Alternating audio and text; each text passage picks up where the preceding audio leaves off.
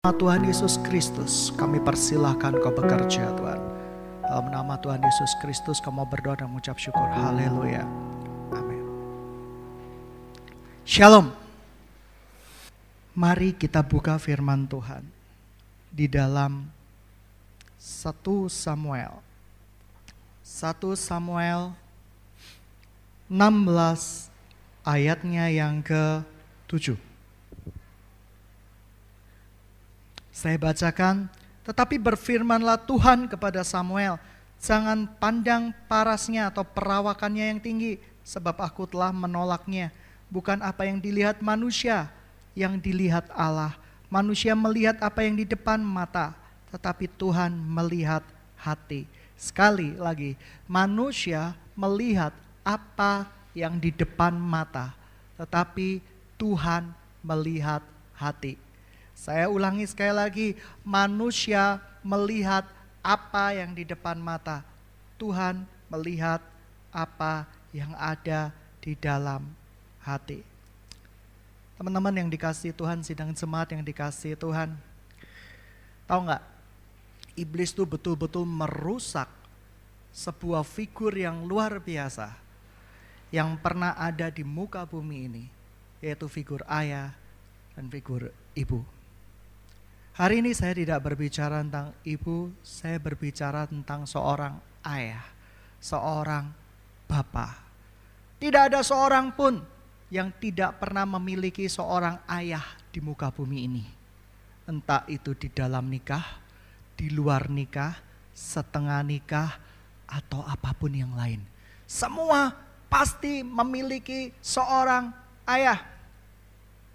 Dan iblis berusaha untuk merusak figur ayah tersebut sehingga anak-anak yang dilahirkan dari uh, apa ya? dilahirkan dari ibunya tidak memiliki pengenalan akan bapaknya. Sekarang saya mau tanya kepada sidang jemaat yang dikasih Tuhan. Siapa yang waktu masa kecilnya sering diceritai oleh ayahnya, mendapat dongeng dari ayahnya. Angkat tangan. Siapa yang di tempat ini mendapat dongeng dari ayahnya? Cerita dari ayahnya. Atau siapa yang masih ingat, yang masih ingat aja mungkin IQ kalian kurang lebih 100 ke bawah, makhluk tidak ingat gitu ya. Siapa yang ingat waktu kalian SD atau TK, Anda ditidurkan oleh ayah Anda dan ayah Anda sedang bercerita kepada Anda. Siapa? Satu aja. Hei, yang lain di mana ayahnya? Shalom. Saya percaya iblis berusaha merusak figur ayah habis-habisan di muka bumi ini. Oleh karena itu peranan ayah menjadi berubah total dari menjadi merepresentasikan kasih Bapa menjadi berubah fungsi. Saya sering kali melihat, saya sering kali merasakan, saya sering kali melihat kejadian-kejadian fenomena-fenomena bahwa fungsi dari ayah adalah kepala keluarga yang menjadi kepala bank dan donatur umum. Jadi Anda minta apa saja, Mungkin Anda takut kepada ayah Anda, Anda akan melakukan yang namanya jubir atau juru bicara atau juru bibir. Ya, ya kan jubir itu apa? Juru bicara atau juru bibir. Nah, kita akan meminta kepada ibu kita untuk berbicara kepada ayah kita bahwa kita memerlukan sesuatu. Siapa yang di tempat ini untuk bicara sama ayahnya, Anda perlu juru bicara, yaitu ibu Anda. Angkat tangan. Ini jujur ini, jujur. Karena Tuhan ini benar-benar mau bicara sesuatu hari ini. Siapa angkat tangan? Yang butuh takut sama ayah Anda. Tidak ada yang ngaku. Saya percaya banyak ini. Ya, dari tadi sikut-sikutan ngobrol gitu ya, seperti itu. Siapa yang lebih takut sama ibunya? Angkat tangan. Oh, ada yang takut sama ibunya. Siapa yang Anda merasa kalau ngomong sama ibu, uh, ibu adalah seorang marketing atau seorang manajemen yang bagus. Sehingga kalau saya bicara sama ibu ini potensial gagal ini. potensial gagal, potensial tidak disetujui, gitu ya seperti itu. Oleh karena itu kita menjadi uh, kita berbicara kepada ayah kita yang lebih mengerti, lebih memahami gitu ya, yang lebih melankolis, yang kalian bisa rekayasa hatinya sedemikian rupa sehingga uh, hatinya menjadi luluh. Saudara yang dikasih Tuhan, fungsi ayah dan ibu di muka bumi ini udah begitu banyak dihancurkan oleh iblis. Oleh karena itu Firman Tuhan berkata apa di dalam Samuel? Manusia selalu melihat apa yang baik di depan mata. Tetapi Tuhan melihat di dalam hati. Ini awal mula dari dosa pemberontakan. Berapa banyak kita tidak sadar, kita tidak sedang dekat dengan ayah kita di bumi. Uh, sorry pak, ayah saya sudah meninggal. Oke, okay, tapi Anda pernah memiliki ayah. Oke, okay, ayah saya meninggal sejak kecil. Oke, okay, oleh karena itu Anda butuh figur seorang ayah. Sidang jemaat yang dikasih Tuhan, begitu banyaknya rencana iblis untuk merusak figur ayah sehingga akan melahirkan skenario iblis di generasi-generasi yang akan datang yaitu dia akan merusak figur ayah dan figur ibu kembali. Ini berbahaya sekali. Oleh karena itu sejarah harus diputus. Sejarah tidak boleh berulang sama sekali. Saya begitu banyak anak-anak melakukan manipulatif supaya keinginannya direstui oleh ayah dan ibunya. Seorang anak akan ngerti ini titik lemah dari orang tuaku seperti apa. Loh ini bahaya loh.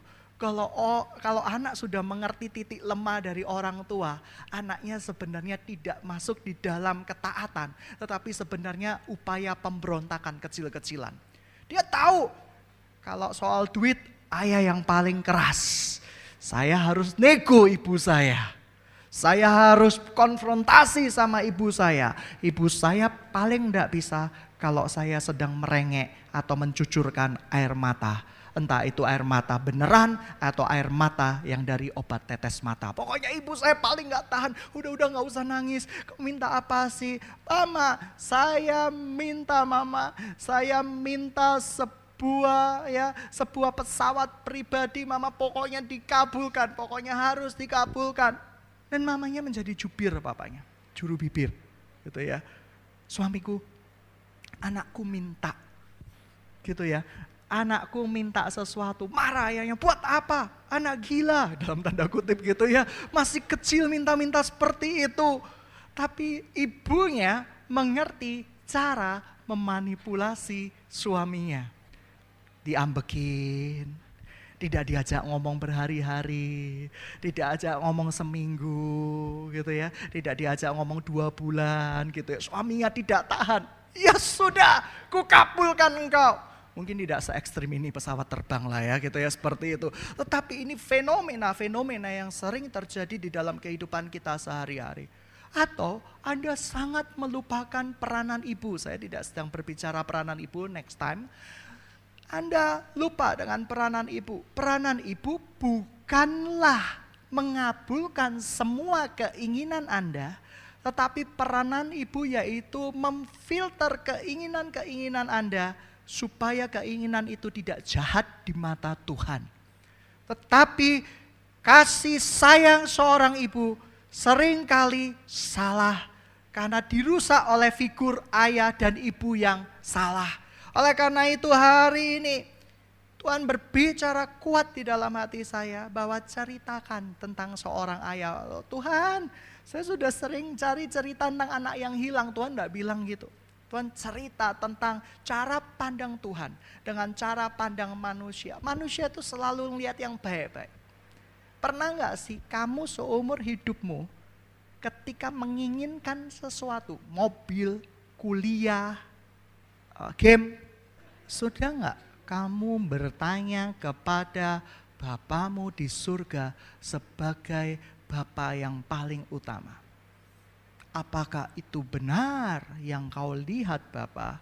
Apakah itu aku yang melihat saja?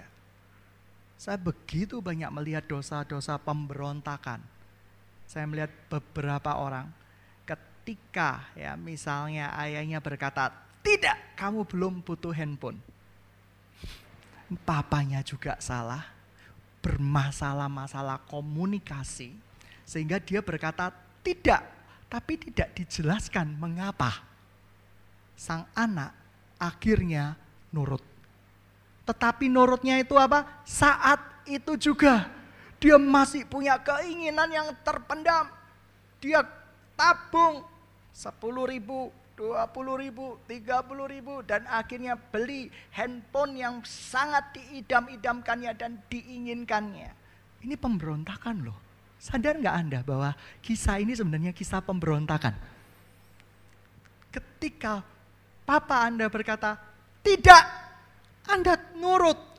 Tapi hati Anda masih menginginkan yang di mata Anda, Anda tidak berdamai dengan Bapak Anda.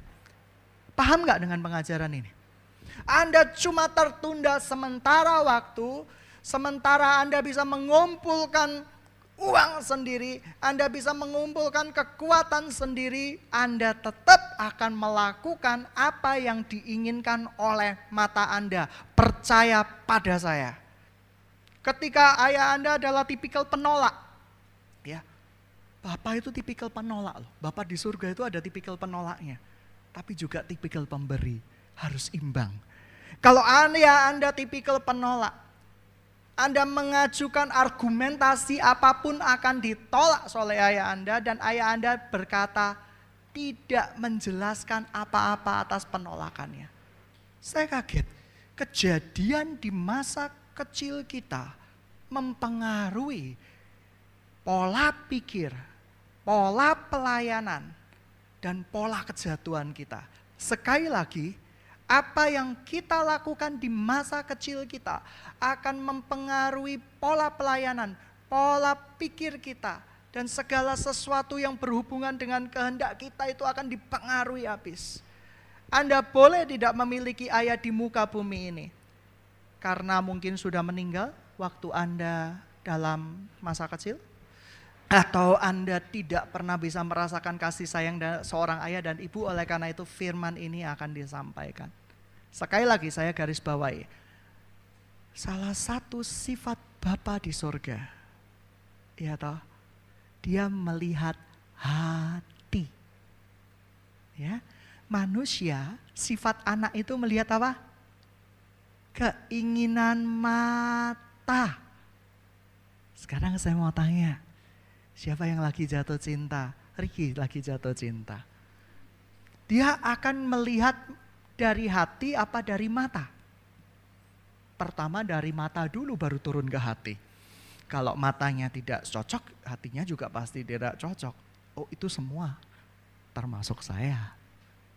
Amin. Mudah-mudahan pengajaran ini tidak terlalu berat dan saya akan cepatkan sebentar lagi. Figur ayah begitu dirusak oleh iblis. Sehingga ayah menjadi fungsi yaitu donatur umum. Donasi umum. Anda perlu apa? Dilakukan. Semuanya seperti itu. Sampai suatu saat saya menyadari bahwa kasih sayang ayah saya begitu besar buat saya. Saudara, tahu nggak? ayah yang baik itu melakukan apa yang diinginkan hatinya anaknya yang sesuai dengan kehendak Bapa. Tetapi dia tidak menuruti. Banyak ayah yang betul-betul menuruti, dituruti karena kalah juru bibir gitu ya. Uh, diturutin, diturutin, diturutin terus. Sehingga figur ayah kita di surga adalah ayah yang pemberi, pemberi, pemberi, minta, minta, minta. Tuhan minta, bilang minta, minta, minta. Dan kita akan selalu terfokus bahwa Tuhan itu selalu ngabulin apa yang menjadi keinginanmu. Apa yang menjadi keinginan matamu pasti dikabulin. Ini bahaya besar, bahaya, bahaya besar. Sidang jemaat yang dikasih Tuhan peranan ayah yang harusnya ada baik di muka bumi ini maupun di sorgawi yaitu memberikan yang namanya apa? Pengertian kepada anak-anaknya. Satu pengertian kepada anak-anaknya. Peranan ada yang kedua yaitu komunikasi. Tuhan hatimu di surga itu seperti apa sih Tuhan Aku adalah Bapa yang ingin memberikan pengertian kepada anak-anaknya. Aku adalah Bapa yang rindu berkomunikasi dengan anak-anaknya. Aku adalah Bapa yang rindu memberikan cerita kehidupan kepada anak-anaknya. Dan yang terakhir, aku adalah seorang Bapa di surga yang rindu memberikan pelukan kepada anak-anaknya. Iblis begitu merusak. Seorang ayah harus bertengkar dengan anak-anaknya. Loh, yakin kamu? Ada Alkitab nggak ayatnya bahwa seorang ayah bertengkar dengan anak-anaknya? Ada nggak?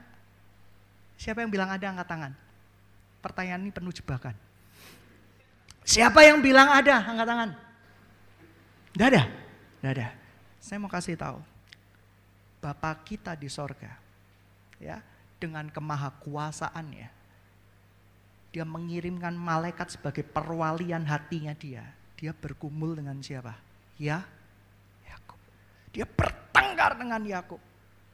Dia mati-matian perang dengan Yakub. Harusnya ayah di surga seperti itu. Seharusnya ayah di bumi seperti itu. Dia berperang dengan kehendak anaknya. Dia menguji kehendak anaknya. Dia melihat hati anaknya. Apakah dia sudah benar di hadapan Tuhan atau tidak.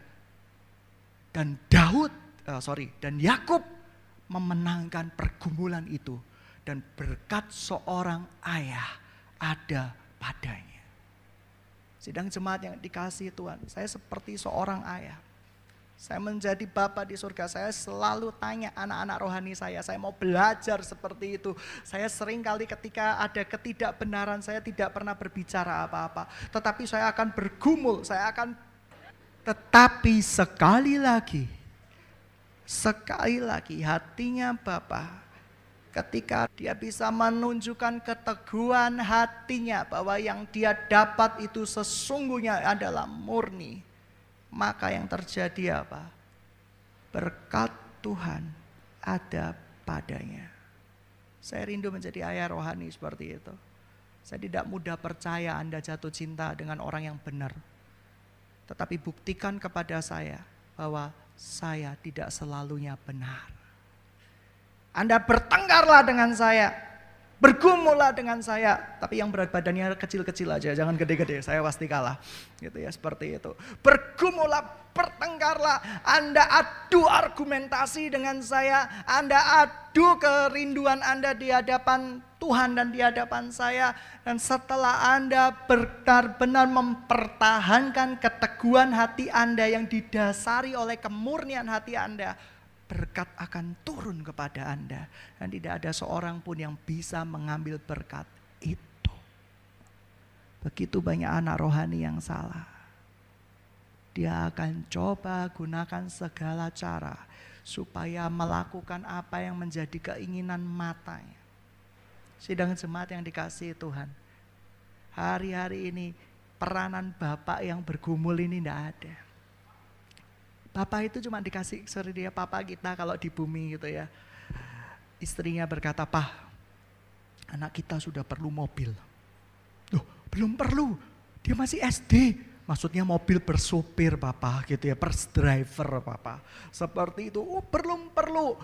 Tapi istrinya peranan ibu ini salah ngeroweng tiap hari. Kasih kata-kata marifat tiap hari. Kasih kata-kata berkat tiap hari. Mobil pokoknya mobil, mobil, mobil, mobil. Kan ayahnya bekerja keras gitu ya. Sampai badannya kurus, badannya meleleh. Ya udah mobil gitu ya seperti itu. Karena kepanasan. Mobil sudah pokoknya tak kasihin mobil. Anaknya merdeka, menang. Ibunya bahagia bisa menyenangkan anaknya rusak soal dan Anda akan menjadi pembuat sejarah baru nanti, percayalah. Anda akan menjadi perbuat, uh, menjadi pembuat sejarah baru kalau Anda tidak mengerti khotbah hari ini betul-betul. Kenapa? Karena Anda akan mengulangi sejarah-sejarah Anda di masa lampau. Yang saya ceritakan ini adalah kehidupan sehari-hari.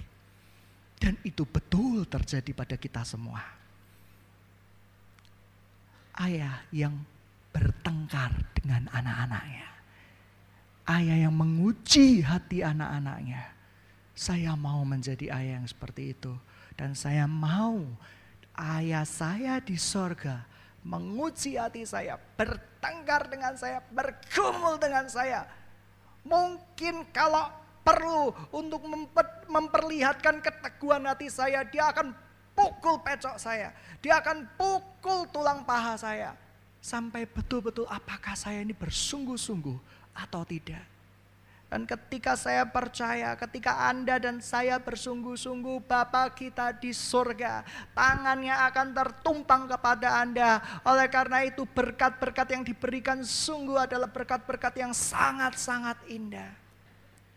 Ketika kamu belajar dan mau dibukakan pintu hatimu, maka aku akan jamin hati seorang ayah akan berbalik kepada anak-anaknya. Dan hati seorang anak akan berbalik kepada ayahnya. Sidang jemaat yang dikasih Tuhan, pernahkah hari ini kamu bertanya apa yang menjadi kerinduan ayahmu di surga? Kamu punya masalah di depan hari, kamu mau melakukan apa, mau dagang apa, mau usaha apa, pernah nggak kamu tanya kepada papamu di surga? Kalau kamu tidak pernah tanya, cek hubungan papamu di bumi seperti apa? Apakah baik atau tidak baik? Apakah papamu yang di bumi adalah seorang yang mengerti hati anak-anaknya, mendidik hati anak-anaknya? Ini penting sekali, ini sangat penting. Sampai akhirnya saya mengerti sejahat-jahatnya orang tua, dia memiliki hati Bapa juga. Yang berikutnya, kejadian yang pertama saya ingat, ayah saya pernah berdongeng kepada saya. Saya senang sekali mendengarkan cerita ayah saya. Waktu itu buaya dan kancil. Saya ingat persis itu padahal waktu TK loh. Waktu SD loh, ingatan saya bisa terbentuk dengan kuat di mimpi itu. Dan ketika bangun saya berkeringat, saya yakin, saya ingat persis ayah saya pernah melakukan seperti itu. Sampai saya tertidur, dikasihin selimut kepada saya dan dia cuma kecup saya dan selesai hanya sesederhana itu tetapi ingatan itu begitu so strong kuat sekali dan saya begitu berterima kasih kepada Tuhan. Dan saya ingat waktu kecil itu, saya sebenarnya tidak tidur sedangan. Tetapi saya sedang pura-pura tidur. Tapi begitu ayah saya mencium saya, saya tertidur. Saudara, saya butuh ciuman seorang bapak. Untuk meyakinkan saya bahwa saya berjalan di dalam jalan yang benar. Yang kedua, kamu tahu nggak? Sering kali kita tidak sadar menuduh papa kita jahat, kejam, tidak pengertian. Anaknya. Saudara, ketidaktahuan kita bahwa ayah kita di sorga mencintai kita, membuat kita tidak mau melakukan yang menjadi keinginan hatinya Tuhan, kita akan melakukan yang menjadi keinginan mata kita. Sekali lagi dengarkan kata saya baik-baik. Ketidaktahuan kita mengenai, mengenai hatinya Bapa di sorga membuat kita tidak bisa melakukan apa yang baik.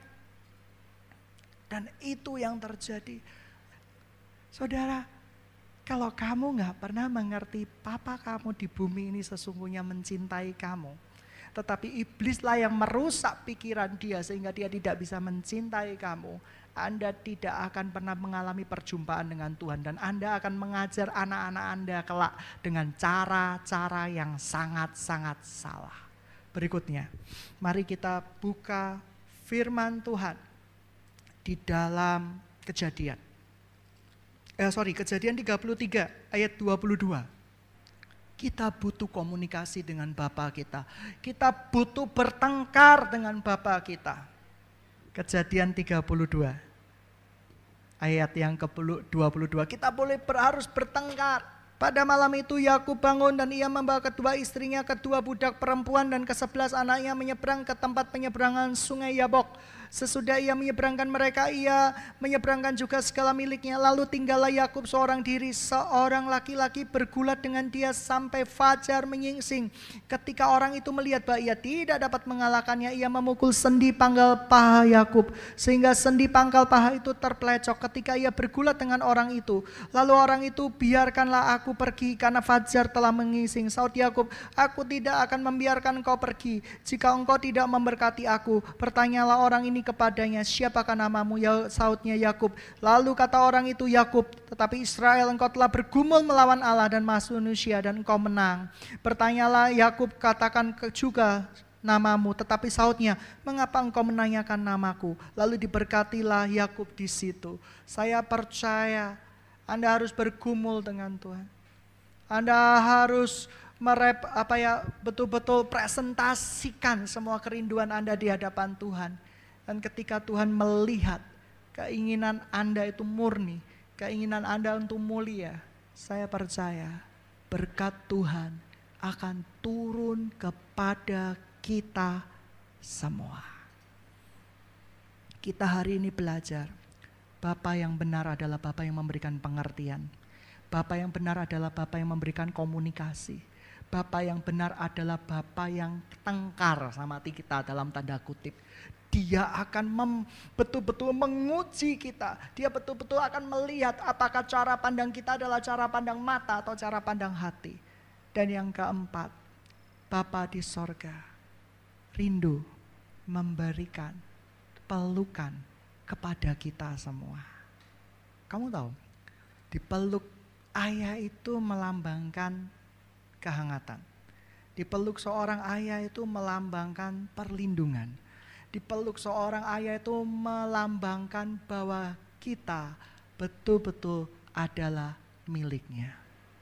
Saya percaya fungsi Bapa yang terakhir itu sangatlah penting, yaitu memeluk umatnya, memeluk anak-anaknya. Sidang jemaat yang dikasih Tuhan. Apakah Anda memiliki pengenalan Bapa yang benar di surga? Apakah pengertian Bapa Anda di surga sudah dirusak oleh Bapak-Bapamu di muka bumi ini? Apa Bapamu di muka bumi ini seakan-akan engkau sangka tidak pernah mencintai engkau karena dia membiarkan engkau meninggalkan engkau dan lakukan semuanya. Saya mau kasih tahu, di dalam ribuan kejahatan seorang bapak tetap ada satu kebaikan yang ada di dalam hatinya. Dan kebaikan itu mungkin tertutupi oleh sejarah-sejarah di masa lalu juga. Sidang jemaat yang dikasih Tuhan, hari ini saya cuma rindu. Begitu banyak cara pelayanan kita yang salah, visi kita yang salah, cara kita bersikap yang salah. Kita menjadi anak yang opportunities, yang mengambil kesempatan dalam kesempitan. Kita menjadi anak yang dalam tanda kutip tidak pernah mau mengerti.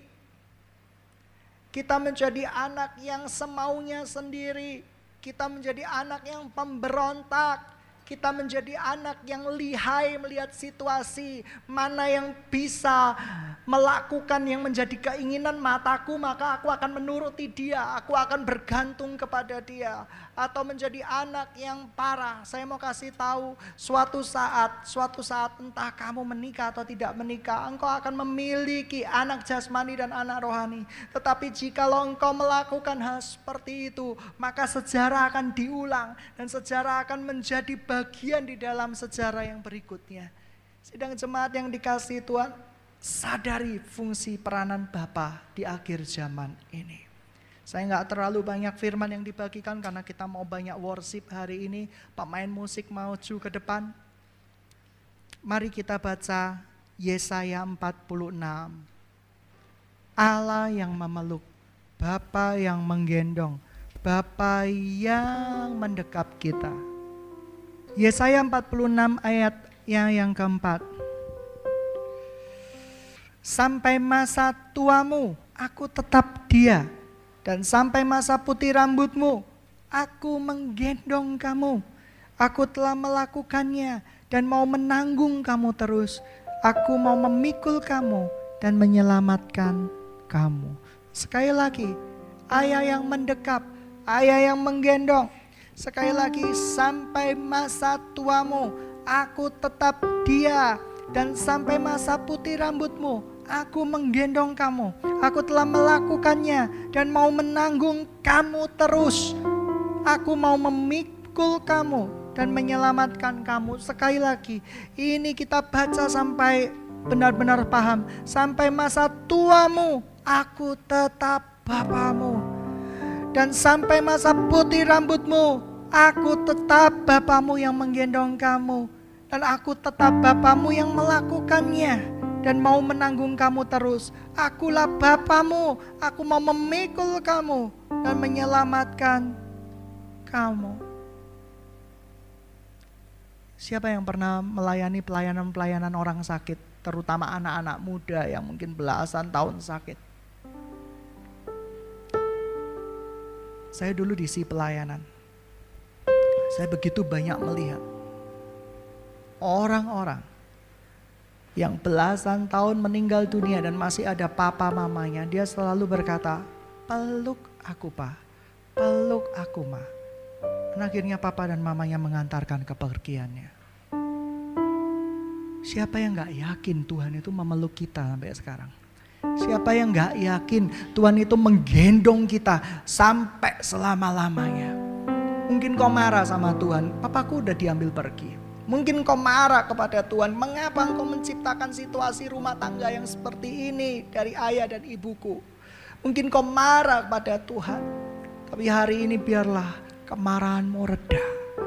Seperti kemarahan saya reda ketika saya meminta diulang tahun Oke, saya mendapatkan apa yang saya mau. Tapi sedang saya melukai hati ayah saya. Dan ayah saya begitu banyak melakukan hutang untuk melakukan ulang tahun saya. Sidang jemaat yang dikasih Tuhan. Mari kita tundukkan kepala kita sama-sama. Kita tutup Alkitab ini.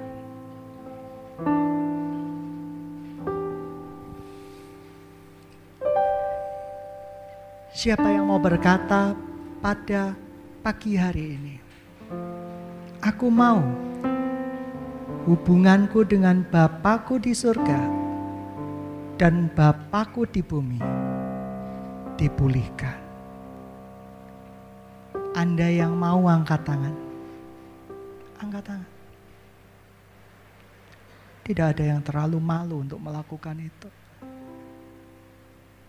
Siapa yang mau mengerti hatinya Tuhan, angkat tangan juga.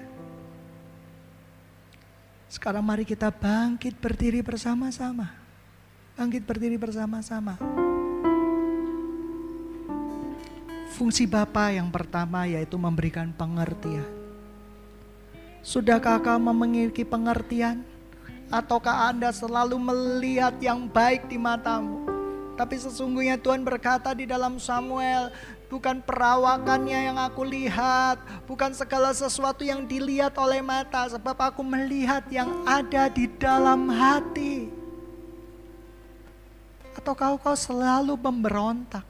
Engkau tidak bisa menerima kedaulatan Bapa. Engkau selalu berusaha untuk betul-betul melakukan yang menjadi keinginan hatimu. Yang kedua, fungsi Bapa yaitu berkomunikasi. Mungkin kau tidak pernah mendapat komunikasi yang baik dari ayahmu di muka bumi ini. Tapi dia adalah ayah dari segala ayah. Dia adalah Bapamu di sorga. Dia mau engkau dan saya berkomunikasi dengan dia, bercerita. Dia mau menjadi seorang bapak. Saya mau kasih tahu di dalam Yesaya ada keajaiban yang luar biasa.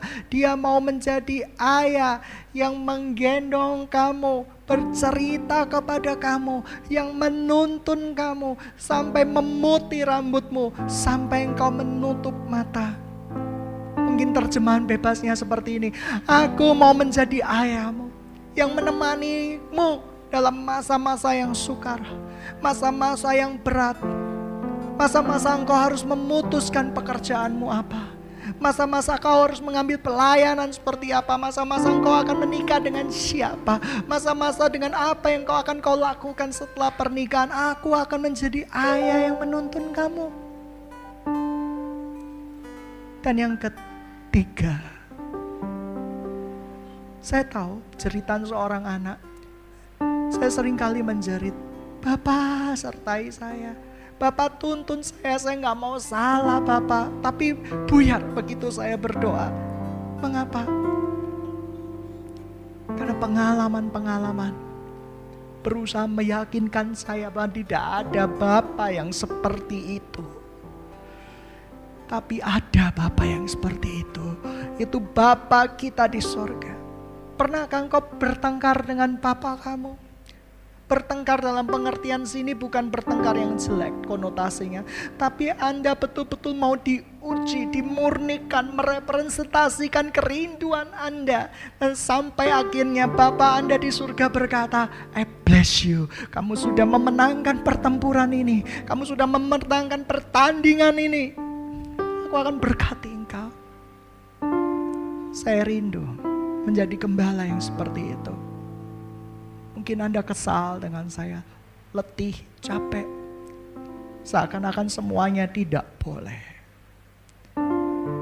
Tapi saya mengasihi Anda seperti saya mengasihi Bapa saya di sorga. Mari kita bergumul, mari kita berdiskusi. Mari pertahankan jikalau engkau merasa itu layak dipertahankan. Mari berubah jikalau Anda tahu bahwa Anda salah. Dan percayalah, ketika Anda menunjukkan keteguhan hati Anda, berkat itu akan mengalir, akan turun. Percaya. Dan fungsi Bapa yang terakhir yaitu Bapa yang menggendong dan memeluk engkau dan saya sampai selama-lamanya. Saya tidak pernah bisa bayangin. Bayangkan hanya untuk sebuah makan. Sebuah makan ulang tahun, ayah saya berhutang.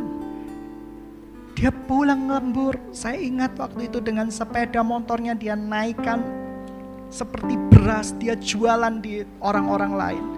Dan itu nyata. Anda bisa tanyakan kepada ibu saya. Hanya untuk ulang tahun saya.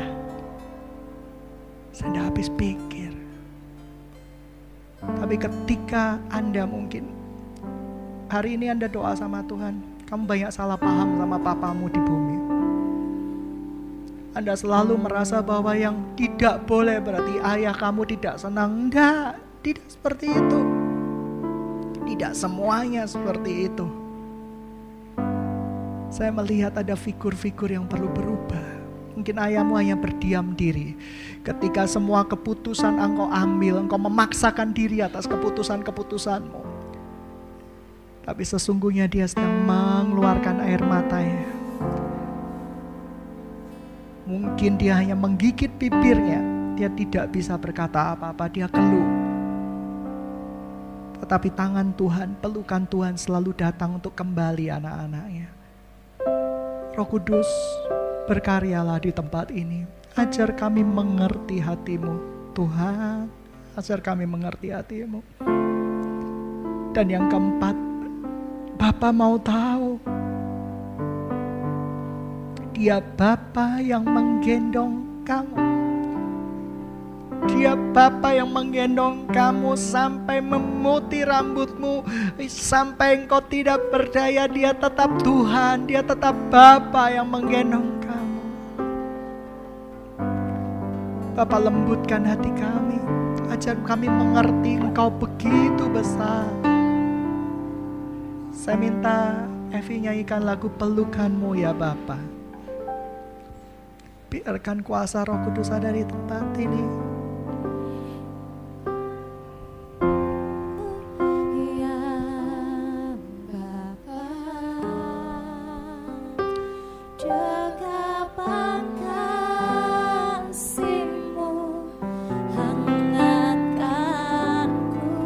Siapa yang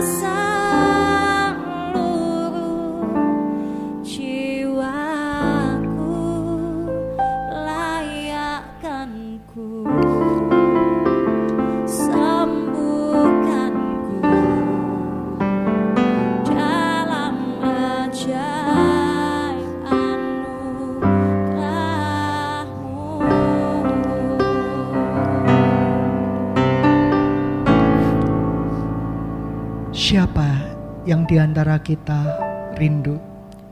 Roh Kudus gerakan saya. Siapa yang di antara kita rindu ada pemulihan engkau dengan ayahmu di surga. Antara pemulihan engkau dengan ayahmu di bumi. Angkat tanganmu. Angkat tanganmu.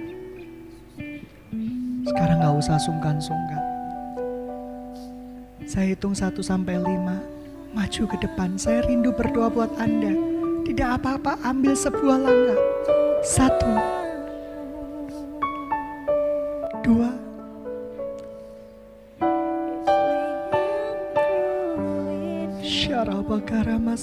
Bakara takara parala parala parala parala parala parala. Mari menyanyikan lagu ini. Syara kata pepe baik Tuhan. Jika engkau Tuhan. Saya masih undang engkau yang rindu, yang mau. Silakan maju ke depan. Biarkan Roh Kudus melembutkan hatimu yang paling dalam. Saya rindu ada pemulihan di tempat ini. Saya rindu ada kekuatan Tuhan di tempat ini. Saya rindu ada segala-galanya di tempat ini. Saya minta Evi bantu saya untuk anak perempuan. Doakan, berikan pelukan. Kau baik Tuhan, kau baik.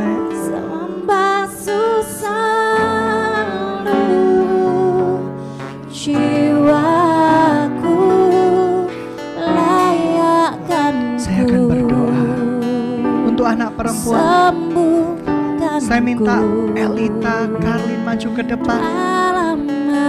Kita memang tidak sempurna, tapi kita mendapat otoritas dari sorga. Silakan maju ke depan. Saya lihat ada Roro yang demikian gentar, Roro yang demikian takut menghadapi hari esok, Roro yang demikian sedih. Tapi yang saya mau katakan, Bapa di sorga tidak akan pernah tinggalkan kita sampai selama-lamanya.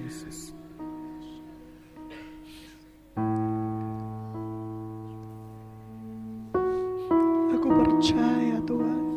Mari kita angkat tangan bersama-sama. Hari ini Bapa, ya Roh Kudus, melalui perkenananmu Roh Kudus, kami ingin membangun hubungan kembali dengan Bapa kami di sorga. Ajar kami mengerti rahasia hatimu yang begitu dalam Tuhan. Kau begitu luar biasa. Kau ingin memberikan pengertian pada kami. Jalan mana yang harus kami tempuh. Engkau ingin berkomunikasi setiap hari dengan kami. Engkau ingin Tuhan menguji kami. Bertengkar dalam tanda kutip dengan kami. Dan ketika kami ditemukan benar adanya. Tanganmu sendiri yang akan memberkati kami. Tanganmu sendiri yang akan memenuhi kami dengan limpahnya. Dan yang terakhir Tuhan, Engkau rindu kami dipeluk. Engkau rindu kami digendong. Saya salah. Saya dulu pernah bilang, masa dari kecil digendong terus sama Tuhan.